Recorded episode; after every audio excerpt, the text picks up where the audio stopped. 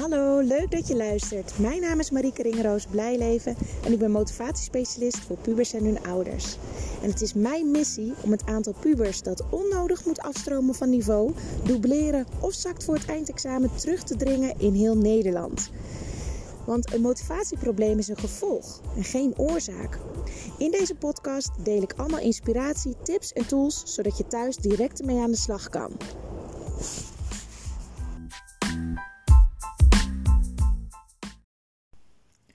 Hey, wat leuk dat je luistert naar een nieuwe aflevering van mijn podcast.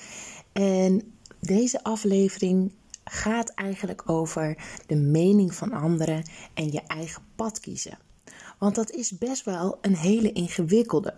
Zo had ik een paar weken geleden namelijk een podcast op met iemand anders samen. En die zei: Ja, het is toch wel het leukst om podcasts te luisteren die je samen met iemand doet. Hè? Zodat als je luistert, dat je echt een gesprek van andere mensen hoort. Waar je jezelf weer in herkent en meedenkt eigenlijk met het gesprek.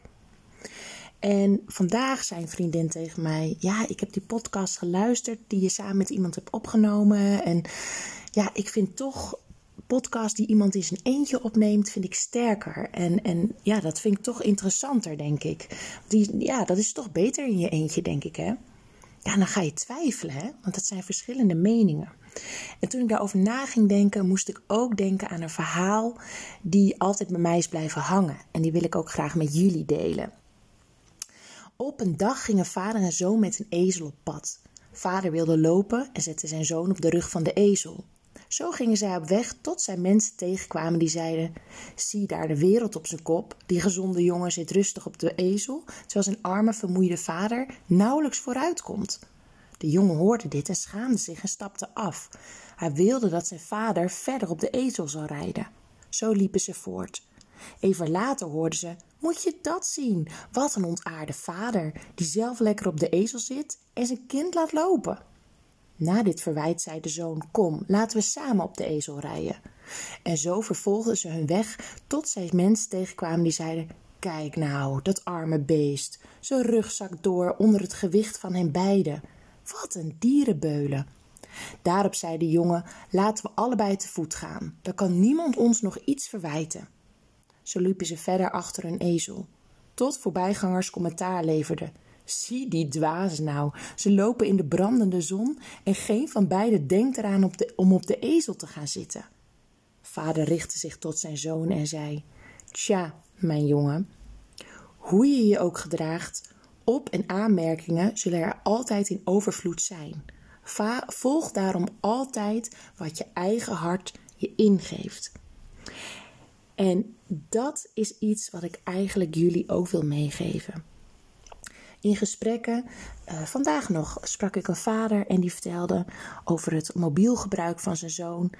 Ja, en, um, of nee, over, over het gamegedrag van zijn zoon. En die zei, ja, en uh, vrienden van ons en familie en uh, die en die zeiden ook, ja, ze verklaren ons voor gek dat wij de computer van onze zoon op zijn slaapkamer hebben staan. Ja, dus ja, ik denk dat dat ding eraf moet. En toen zei je, wat, wat, hoe denk je daar zelf over? Wat is jouw mening? Ja, nee, maar iedereen zegt dat en iedereen vindt dat. En uh, ja, we worden voor gek verklaard. Maar wat vind je zelf? En dat is eentje die heel belangrijk is, eigenlijk überhaupt in het hele leven, maar ook echt in je ouderschap.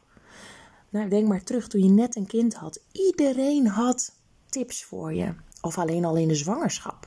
Iedereen wist wat je wel moest eten, niet moest eten, wat je wel kon tillen, wat je niet kon tillen. Toen je baby geboren was, jeetje, lig jij hem elke keer in zijn eigen bedje? Ja, dan went hij helemaal niet aan dat hij gewoon overal kan slapen. Hè? Oh, moeten we allemaal stil zijn? Hoezo dan? Dan zal je merken dat hij steeds moeilijker gaat slapen, omdat hij niet went aan slapen met lawaai. En nou, zo kan ik nog wel even doorgaan. En dat maakt ouders, jonge ouders, heel onzeker. En eigenlijk gaat dat altijd maar door, ook nu in de puberteit. We weten niet wat het beste is. We weten niet wat werkt. Uh, er is geen protocol voor elk kind die werkt. Het is een zoektocht. Het ouderschap is een zoektocht. En een zoektocht in de zin van je gaat kijken met elkaar, je bespreekt dingen met elkaar. En met elkaar bedoel ik binnen je gezin. Met je kind en de ouders. Samen ga je praten over Wat vind jij en wat vind jij? Wat vind jij belangrijk? En mag ik mijn kijk erop geven? En door met elkaar erover te praten, leer je elkaar steeds beter kennen. En leer je steeds beter vanuit verschillende perspectieven dezelfde situatie te bekijken en te beoordelen. En begrip te hebben voor elkaar. En elkaars kijk op dingen. En doordat je echt naar elkaar luistert, kom je in contact en kom je in verbinding. En je hoeft het echt niet altijd met elkaar eens te zijn, hè? laat dat duidelijk zijn. Maar je kan wel respect voor elkaar hebben en naar elkaar luisteren. Het kan best iets zijn dat iets wat hier thuis bij mij, bij mijn zoon bijvoorbeeld, heel goed werkt, dat het bij die van jou helemaal niet werkt. Want het zijn twee hele verschillende kinderen. En misschien past jouw aanpak weer helemaal niet bij de manier waarop ik iets wil aanpakken. Dus je kan er met andere ouders over praten en sparren en dat is altijd waardevol. Maar het is ook belangrijk om te beseffen dat iedereen zijn eigen manier heeft van opvoeden en dat dat oké is. En dat je daar je eigen zoektocht in hebt en dat je met elkaar gaat achterhalen wat werkt. Dus niet alleen uh, met je partner of je ex-partner als volwassene, maar ook juist met je tiener. Betrek die erbij. Praat met elkaar. Zie wat je, of benoem wat je ziet qua gedrag. Benoem ook de worstelingen en de zorgen en de angsten die jij zelf hebt als ouder. En stel de vraag: hoe lossen we dit met elkaar op, zodat we het eens zijn over onze aanpak? En als het een keer misgaat, er is geen man overboord. Ga opnieuw met elkaar om tafel en ga het gesprek opnieuw aan. Dus blijf trouw aan jezelf en bedenk wat voor jou goed voelt, wat voor jou belangrijk is. Op elk moment, altijd. Blijf heel dicht bij jezelf daarin. Ga niet dingen doen omdat anderen het zeggen. Dit is een boodschap die ik hoop dat heel erg binnenkomt bij jullie. En dat je durft te vertrouwen op jezelf en alles eruit wil halen wat uh, er in je zit om de beste ouder te zijn die je maar kan zijn. En zie het alsjeblieft niet als falen als iets niet lukt of als je het idee hebt dat je alles fout doet. Zie het niet als falen. Zie het als een moment van een helder inzicht, van bewustwording. En als je het op die manier kan bekijken, dan kan je het zien als leermomenten. Elke keer dat jij het gevoel hebt dat je faalt, zeg tegen jezelf: Ik faal niet. Het is een leermoment. En elk moment van de dag heb ik de keuze om dingen anders te doen. Ik kan op dit moment beslissen dat ik vanaf nu wel rustig blijf in de gesprekken met mijn tiener. Je kan vanaf nu beslissen om te stoppen met straffen. En juist te beginnen met het gesprek aangaan met je kind en luisteren naar je kind en hem ruimte geven. Je kan op dit moment beslissen dat je toch wel de schermtijd wilt beperken, terwijl je dat tot nu toe niet deed. Ik zeg niet dat het makkelijk is, want tieners zullen echt wel hun mening laten horen. En dat is oké, hè? Dat is heel belangrijk. Dat is juist iets wat ze mogen ontwikkelen in de puberteit om uiteindelijk te kunnen overleven in de maatschappij. Voor zichzelf op te komen. Want niets is veiliger dan figuurlijk schoppen tegen je ouders aan.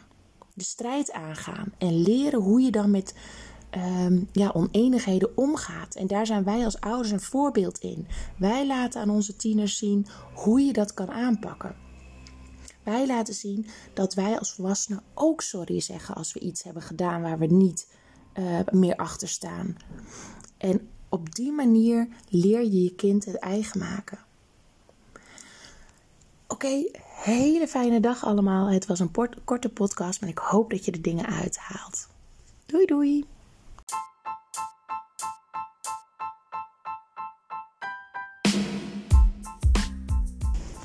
Bedankt voor het luisteren. Ik hoop dat je er veel informatie, tips en tools uit hebt kunnen halen die je zelf kan toepassen bij jou thuis met je puber. Hoe tof zou het zijn als het lukt om landelijk het aantal onnodige zakkers, dublanten en afstromers terug te dringen? Wil je meehelpen? Deel dan mijn podcast zo vaak mogelijk op social media of mijn berichten en tag mij erin, want ik vind het super tof om te weten wie er luistert naar mijn podcast en wie mijn berichten bekijkt. Ken je een moeder of een vader of een docent die deze informatie ook kan gebruiken? Deel het, want zo zorgen we ervoor dat heel Nederland positiever in de puberteit wordt. Yes, dankjewel.